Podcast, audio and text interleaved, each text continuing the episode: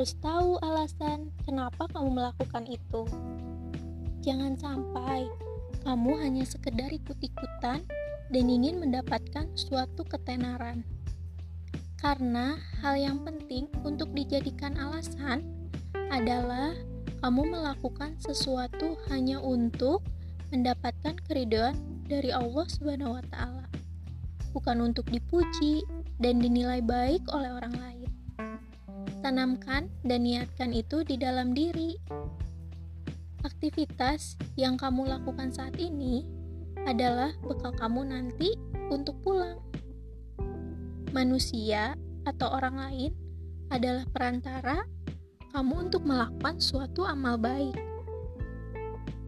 yang menjadi bekal kamu nanti. Jadikanlah setiap kegiatanmu itu bermanfaat bagi orang lain, baik di dunia maupun di akhirat. Jangan sampai apa yang kamu lakukan menjadi debu yang akan berterbangan tidak ada bekas atau rupanya. Sehingga apa yang kamu lakukan selama di dunia hanyalah sia-sia.